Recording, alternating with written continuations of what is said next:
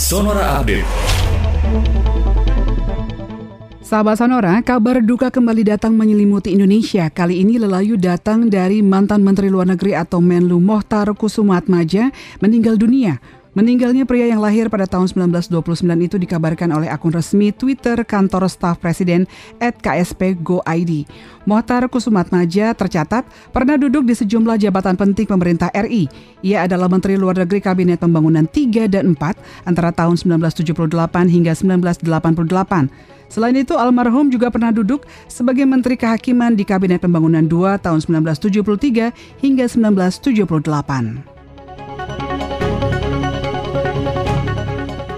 Kita beralih ke informasi lain, Kementerian Ketenagakerjaan atau Kemnaker akan menggelar Rembuk Nasional Vokasi dan Kewirausahaan Balai Latihan Kerja atau BLK komunitas di Pondok Pesantren Cipasung, Tasikmalaya, Jawa Barat.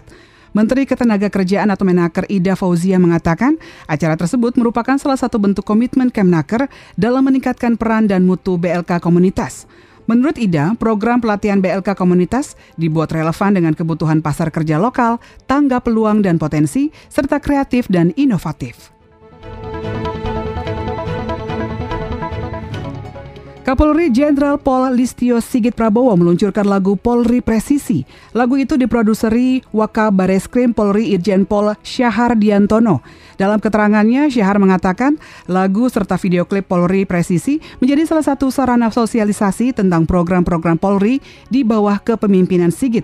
Polri yang presisi yaitu prediktif, responsibilitas, dan transparansi berkeadilan merupakan program yang diusung Sigit sejak menjabat sebagai Kapolri. Lewat program itu, Sigit ingin Polri terus berinovasi dan memajukan teknologi kepolisian yang modern.